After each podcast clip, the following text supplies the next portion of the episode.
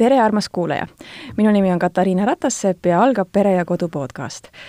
täna on meil teemaks imetamisnõustamine. meie ajakirjas ilmus sellel kuul üks artikkel imetamisnõustamisest, mis sai väga palju kriitikat ja me saime ka kriitikanooli selles osas, et, et me töötame süstemaatiliselt imetamisele ja loomulikule sünnitusele vastu, aga see pole üldse nii, et toimetuses me oleme kõik emad ja kõik kahe käega imetamise poolt ja võib-olla sellest natukene tõugatuna eh, on meil täna siis eh, stuudios külas imetamisnõustaja ja ämmaemand Iiri Aasa. tere, Iiri! tere, Katariina!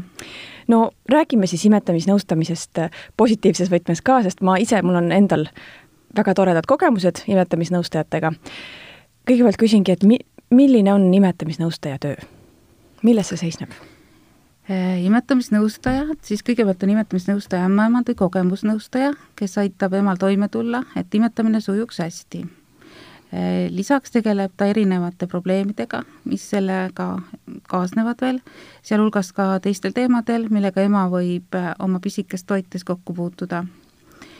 ja siis nõustaja tegeleb siis imetamise nõustamisega, toetab ema, õpetab teda ja eh, teeb seda seni, kuni eh, jõutakse siis tulemuseni, mis rahuldab ema ja last. Hmm.. et eh, kas see on siis täielikult rinnal imetamine, kas ta läheb kombineeritud, et kunsttoidu ja imetamisega või annab ta ainult rinnapiimapudelist või annab ka kunsttoitu pudelist, vahet ei ole, et see, mis ikkagi lõpuks siis rahuldab mm -hmm. kõike et selles mõttes alati siis sada protsenti last rinnale ei saa, aga oluline on, et, et kõik jääksid lõpuks selle olukorraga rahule. just, just, et alati ei ole see võimalik mm. -hmm. no miks rinnapiim on kasulik ja kui kaua oleks hea imetada mm? -hmm. esimesel eluaastal on imiku põhitoiduks piim, mis ideaalis peaks olema siis ema rinnapiim ja rinnaga toitmine on looduse poolt inimlapsele ette nähtud see äh, katab lapse vee, valgu, rasva, süsivesikute, vitamiinide ja mineraalide vajaduse kuni lapse kuuekuuseks saamiseni. ja rinnapiim koosneb peamiselt veest, milles on siis lahustatud kõik piima koostisosad ja vastavalt oma soovile rinda imev laps ei vaja lisaks joomist, isegi mitte kuuma ilmaga, ja rinnapiim kohandub alati imikuga ja tema vajadustega. ja see rinnapiim on siis imikule kergesti seeditav ja omastatav ta kaitseb last äh, paljude haiguste eest, viirushaiguste eest, siis äh, ei ole ka vähem tähtis see, et ta on perele tegelikult odavaim lapse toitmise viis, et ei kulutata lapse esimesel kuuel elukuul lisaraha lapse parima toidu pakkumiseks ja ta on ka keskkonnasõbralik, ei vaja lisavahendeid ega tekita tootmisjääke.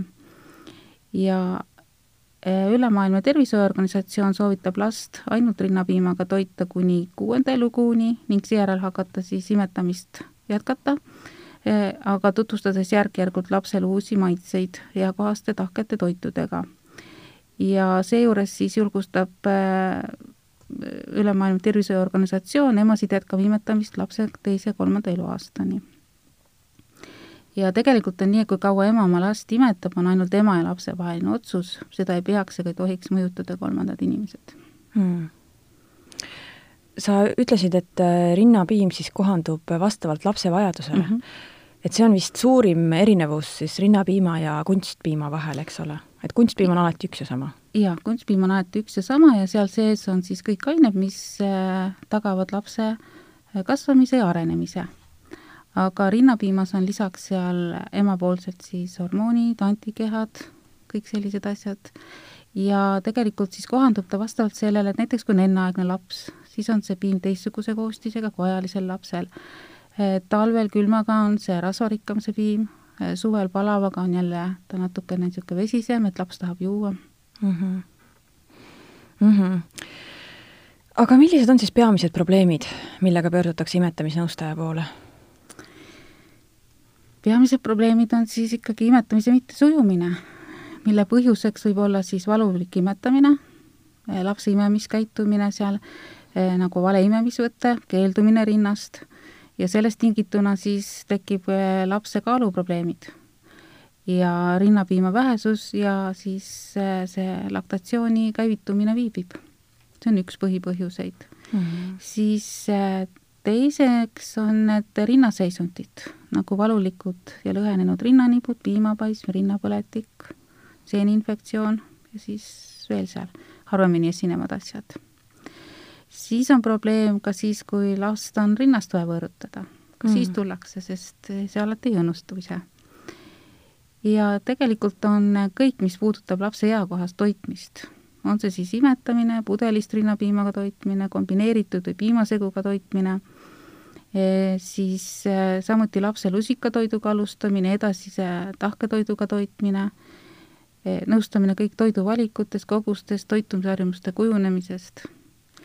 ja sageli on imetamisnõustamise kõrval teemadeks ka lapse uni, gaasiprobleemid, hooldusnõuanded, ühesõnaga, et kui ema või noh, pere on pöördunud imetamisnõustamisele, siis võib öelda, et nõustaja on perele lähim tugi lapse vajaduste hooldamise toimetulekul mm. -hmm. et siis imetamisnõustaja aita siis alati ainult imetavaid emasid, vaid võib-olla kui laps sööb hoopis pudelitoitu ja, ja on küsimus alus, lisatoidu alustamisega just, ja alati saab tulla küsida.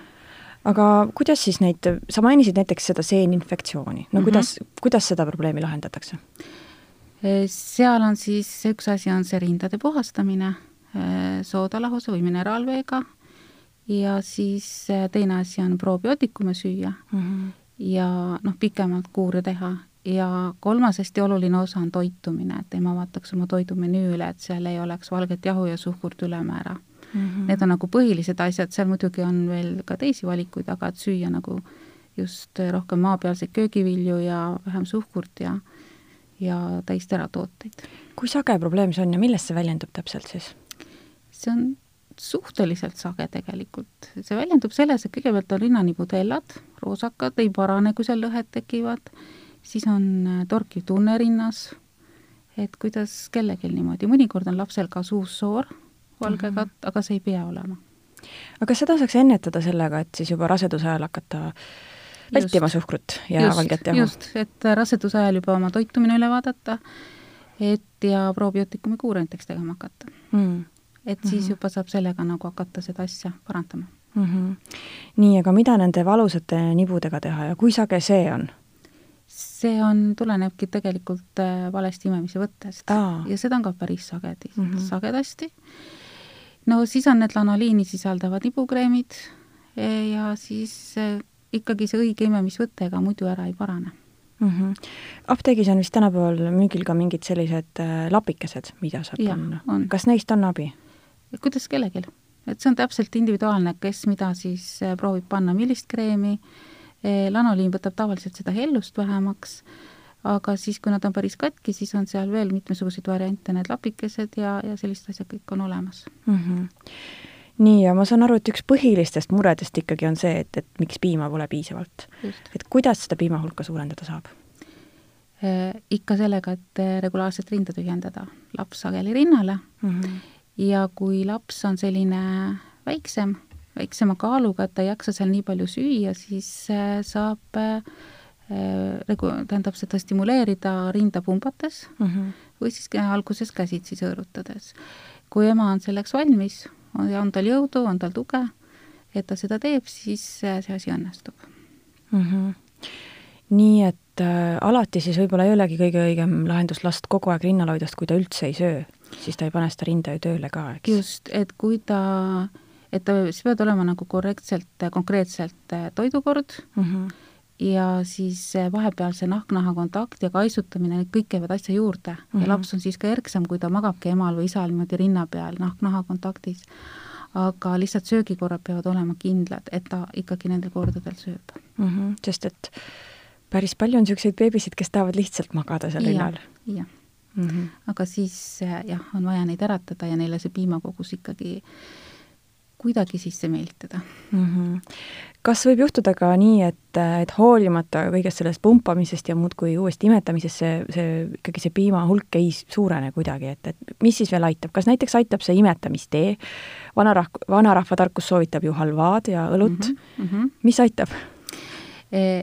Noh, nagu ma ütlesin, ikkagi see rinna regulaarne tühjendamine, rinna stimuleerimine, aga selle stimuleerimise juures on veel see oluline, et äh, ema ei keskendu sellele, kui palju sealt piima tuleb, vaid just nimelt sellele protsessile mm. -hmm. et see piim on nagu boonuseks, et et vaja on lihtsalt seda teha, et kehale anda infot, et piima vaja juurde toota, piim ära ei kao kuskile, aga lihtsalt kogused on väiksed. jaa, et see imetava ema tee, seal on see apteegitillitee, eks ole, seda võib juua, siis on olemas lambaläätse preparaadid, neid võtta nüüd selle õlle kohta on niimoodi, et tegelikult ei pea õlut jooma, asi on selles õllepärmis, et mm. mis seal on, et neid preparaate võib näiteks ka tervisepoest osta, et õlut jooma ei pea mm. -hmm. aga halva? halva, ma arvan, et see on nii magus, et paneb korralikult jooma ja siis, kui vedelikku korralikult tarbid, siis mm, -hmm. siis on ikka piima ka hästi, aga mis, see vedeliku tarbimine siis on oluline, eks ole? see on ka jah, kuskil kaks mm -hmm. liitrit päevas. aga üldiselt emad enamasti tunnetavad selle janu ära mm, -hmm. et mhm. neil ongi janu mm. -hmm. ja oluline siis on kindlasti ka süüa, puhata, magada ja süüa, jah, korrapäraselt süüa mitmekülgselt mm. -hmm. magamise soovitus ongi väga hea, on ju, aga siis emad vahest ütlevad, millal ma siis veel magan.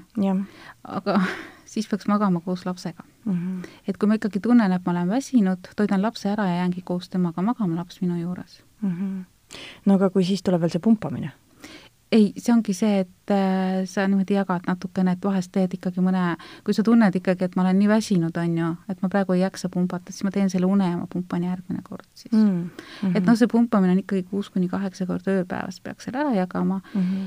et äh, aga kui sa teed seda ka vähem, ega siis ka midagi, ta on ikka parem kui mitte midagi mm. -hmm. et number üks ei peaks see siis olema, et number üks on ikkagi see, et ma ise olen terve mõistuse juures puhanud ja jah, aga ütleme, et ta sinna päris mitte number kaks ka, sinna vahele kuskil mm, -hmm. et ikkagi, et püüaks ikkagi teha mm, -hmm. et äh, jah mm. -hmm. kui oluline üldse on imetamise seisukohalt äh, ema lõõgastunud olek või, või see, et ta on puhanud ja see on hästi oluline. et ta, kui ta imetab, et ta siis ka kõigepealt vaataks omale sellise mugava asendi, et temal on kõigepealt mugav olla, laps sööb mm -hmm. igas asendis. aga et temal oleks hästi mugav, võtab kodus kõik padjad, mõni tekike ka veel appi mm -hmm. ja mhm. siis ta tunneb ennast mugavalt, siis saavad vallanduda või nagu hästi need äh, imetamist toetavad hormoonid siis, eks ole. et, äh, et mis siis äh, piima tekitab ja mis siis aitab seda piima väljutada, on ju. Mhm. et siis, siis on see kõik hästi. ja siis ema, kui tuleb uni peale imetamise ajal, siis see näitabki, et ta tegelikult on hästi lõdvestunud mm. -hmm. aga kuidas sinu, milline sinu kogemus on? kas Eesti emad pigem soovivad imetada või, või pigem ei soovi, pigem tuleb neid veenda? Ei, nad ikka pigem äh, alguses tahavad enamasti, need on üksikud, kes ütlevad, et ta ei hakka imetama mm. -hmm. Need on mhm. tõesti väga üksikud naised. ja seda on erinevad põhjused või siis äh, mingil ajal peavad oma imetamise katkestama lihtsalt. et äh, aga siis enamasti nad ikkagi noh, ütleme praktiliselt kõik ikkagi tahavad aga vahe on lihtsalt selles, et kui see hästi ei käivitu, see kõik, see koostöö, sest imetamine sujub, kui on ema ja lapse koostöö. ja kui see koostöö ei suju alguses, et vot siis tekib see, et kas emal on nii palju jaksu, kas tal on motivatsiooni ja kas tal on ka kodus tuge mm, -hmm. et ta mhm. saaks seda kõike tööd teha mm. -hmm. ja kas ma suudan teda nii palju motiveerida no sa mainisid seda kodust tuge, mida mm -hmm. siis mees saab ära teha, et imetamine paremini sujuks? ta saab aidata näiteks emal, kui on vaja, siis eks ole, alguses lisa anda lapsele, et kas siis see välja pumbatud rinnapiim, kui seda ei jätku nii palju, siis ajutiselt on see kunsttoit, eks ole, aga kogu aeg liigub sinnapoole, et ikkagi rinnapiim oleks rohkem, et näiteks isa saab selle lisa anda lapsele mm. -hmm. ema saab sellel ajal hoopis minna ja süüa ja pärast natuke pumbata. E, saab võtta endale nahk-naha kontakti, et laps magab, läheb jalutab lapsega, teeb söögi, kõik sellised asjad mm. -hmm et ütleme niimoodi, et nagu vanasti oli see nurgavoodi aeg, kuus nädalat, kus naine saigi olla lapsega ainult kahekesi, et see oleks super tegelikult et kodus ta ei pidanud midagi tegema. nojah, et kui naisel on, kui naise õlul on nagu kogu kodune majapidamine mm -hmm. pluss veel teised lapsed, et siis just. ei saagi oodata, et ta just, saaks just. imetada nii palju. et tegelikult, kui nõustad naist, siis ka küsid, et kas sul on võimalik, kuidas sa tunned seda, kas sa noh, suudaksid seda teha mm. -hmm. kas võib-olla oleks siis mõistlik juba raseduse lõpus nagu ette vaadata, mõelda, et keda ma saan, kas ema, vanaema mm, -hmm. mees, et kes mulle mm -hmm. appi saab tulla, et mm, -hmm. et, et ma saan lapsele pühenduda alguses? just, just, ja enamasti nad tulevad ka nõustamisele koos mehega mm. -hmm. et mhm. siis on ka väga hea, et saab juba seal nagu selgeks õpetada asju mm. -hmm no sa alguses mainisid ka seda, et sa aitad äh, imetamist lõpetada mm. -hmm. kuidas see siis täpselt käib? see käibki nii, et kui ema soovib imetamise lõpetada, et minu jaoks ei ole nagu vahet, kas see laps on aastane, kaheaastane, kolmene või on ta hoopis võib-olla ühe või kahekuune, on ju kui ema on selle otsuse teinud, et on küll kurb, et kui ta on seal ühe-kahekuuse lapse juures näiteks teinud selle otsuse või kuuekuuselt, aga tal on selleks omad põhjused. ja mina ei hakka seda ümber veenma, on ju. E, ma küsin, et lihtsalt, et kas ta on kindel, et ta tahab päriselt lõpetada või ta siis tahab osaliselt jätta, aga, aga ma ei pinni seda välja, tavaliselt nad ka räägivad seda, aga nad kardavad öelda, kui nad on ise selle otsuse teinud, et neil on näiteks negatiivne äh, emotsionaalselt negatiivne seda teha või, või mida iganes. või on siis eh, noh, ravimite puhul vahest, kui on mõni krooniline haigus mm. -hmm. et siis vastavalt tulebki jälgida edasi, et eh, kui tihti ta rinda annab, et kas siis teeme järsu lõpu või vähehaaval lõpu, et kõik sellised asjad. ja noh, suuremate laste puhul siis natuke nippe jagada, et kuidas see laps, kes vaatab sulle suurte armsate silmadega otsa ja mm -hmm. et kuidas ta siis sealt eemale nagu kõrvale juhtida tähelepanu. no mis need põhinipid on siis?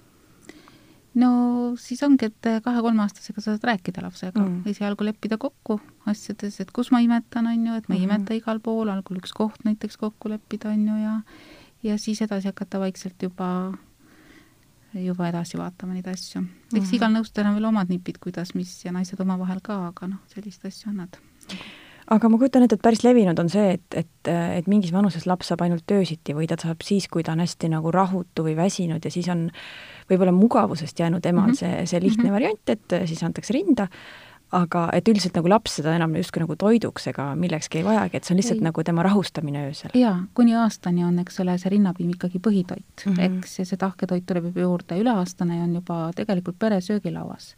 ja siis on see lisaväärtus lihtsalt mm. -hmm.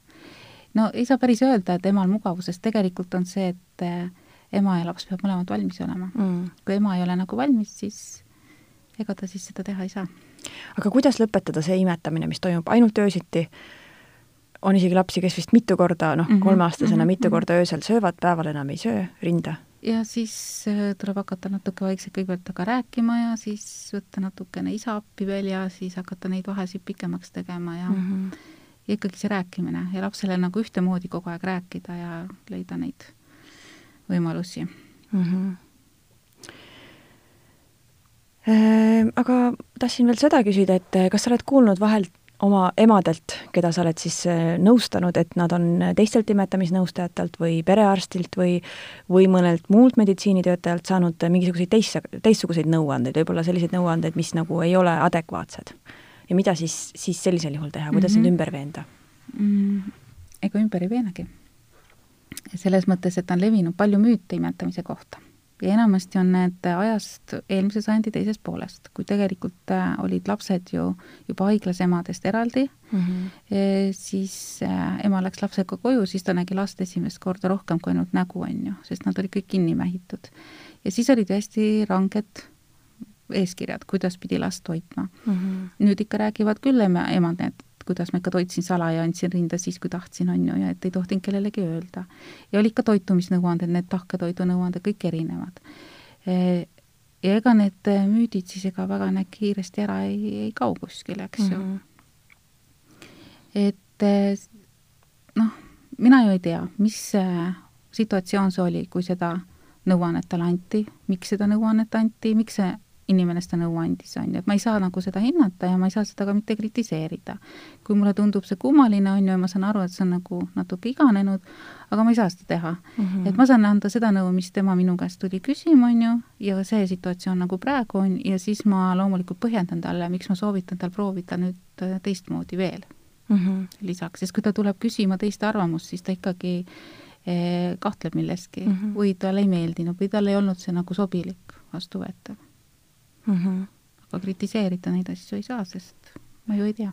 kas äh, töös tuleb ette ka neid emasid ja ämmasid, kes on siis oma mingisuguse üsna iganenud seisukohaga tulnud? ikka on mm, -hmm. ikka on. ja neid tuleb siis ka vahel ümber veenda? jah, vahest tuleb.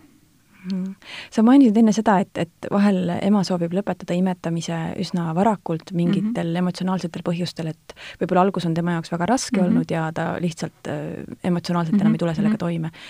mida siis teha saab, kas teda saab suunata kusagile mm, mingit psühholoogilist abi otsima? jaa, on raseduskriisi nõustajad ja psühholoogid olemas. et eh, muidugi selle imetamise lõpetamise üle, kui ta on selle otsuse enda jaoks teinud, siis sellepärast me teda psühholoogile otseselt ei saada, on ju. Aga, aga selles mõttes, et ma näen ju, tegelikult me näeme nõustamise ajal, me näeme ja saadame, suuname naisi küll aeg-ajalt psühholoogile või raseduskriisi nõustaja juurde mm. -hmm. et kui ikkagi on need pisarad hakkavad igapäevaelu segama, et see on normaalne, et natukene on pisaraid ja hormoonid on, nagu öelda, sassis natukene, on ju. et see kõik on okei okay,, aga kui see hakkab segama, siis tuleb natuke abi otsida mm. -hmm. ja noh, kui on need, lähevad natukene nagu see olukord nagu käest ära, et siis on ikkagi spetsialistid, arstid juba need, kes tegelevad. no rääkides siis sünnitusjärgsest depressioonist mm, -hmm. ma saan aru vaikselt, et äh, tahaks küsida, et kas antidepressandid ja imetamine käivad kokku? on küll ravimeid, mida võib võtta. ei, sellepärast ei pea jätma imetamist ära. et tegelikult on see, et kui naine imetab ja tal on niisugune, ongi need meeleoluhäired ja asjad, et vot siis ongi ka see koht, et sa pead nagu kui ta ise ei ütle, et ta tahab lõpetada imetamist, ta ei pea, see võib olukorra teha palju hullemaks mm. -hmm. et siis tulebki nagu temaga vestelda sel teemal, et et kuidas ta nagu, milleks ta on valmis, kui palju ta jaksab, on ju, ja, ja antidepressandid on äh, olemas, mis on madala riskiga ja mis on lubatud kasutada mm. -hmm. et sellepärast ei pea, sest sellises olukorras läheb tegelikult asi hullemaks, kui me ütleme, et nüüd sa pead veel imetamise ka katki jätma ja et nüüd hakkad ravimeid võtma, et noh, siis see ei ole nagu kui ema ei ole seda noh, no enamasti nad selle, selles olukorras ei taha lõpetada, aga kui tal on nii raske, et see ei ole käima läinud ja tal nagu sellega tekib seoses, siis muidugi mm -hmm. ta teeb nagu valikuid. ma kujutan ette, et äh, sellest imetamise lõpetamisest siis ähm, depressiooni pärast võib emal tekkida veel suurem süütunne ja, ja see süvendab seda depressiooni. just, just mm. -hmm. ja ka hormonaalselt on see nagu ka selline raskem siis. et tegelikult ta lihtsalt hakkab ka ennast süüdistama muidugi, jah mm. -hmm. aga see on siis rohkem juba psühholoogi ja psühhiaatri teema, eks ole? jah, ka perearstid tegelikult äh, tegelevad, kui nemad ikkagi näevad oma vastuvõtule, et naisel on äh, tegelikult probleeme emotsionaalseid äh, häireid seal rohkem, mis hakkab segama nagu elu, on ju, või mm -hmm. või teinekord on niimoodi, et ka noh, perearst ongi tegelikult esimene, kuhu minnakse abi küsima, on ju mm. -hmm. et ka tema saab nagu neid suunata mm. -hmm. kas sa oled oma vastuvõtul ka näinud siis naisi, kes pöörduvad küll imetamismurega, aga sa näed, et tegelikult seal taga on hoopis midagi muud? jah, on ka selliseid asju mm. -hmm. no lõpetame siis selle üsna negatiivse tooniga aga aitäh sulle selle toreda mm -hmm. vestluse eest, Iiri mm. -hmm. aitäh, armas kuulaja, et sa meid ära kuulasid. meie saated on leitavad Spotify'st, iTunes'ist, SoundCloud'ist ja teistest suurematest podcast'ide rakendustest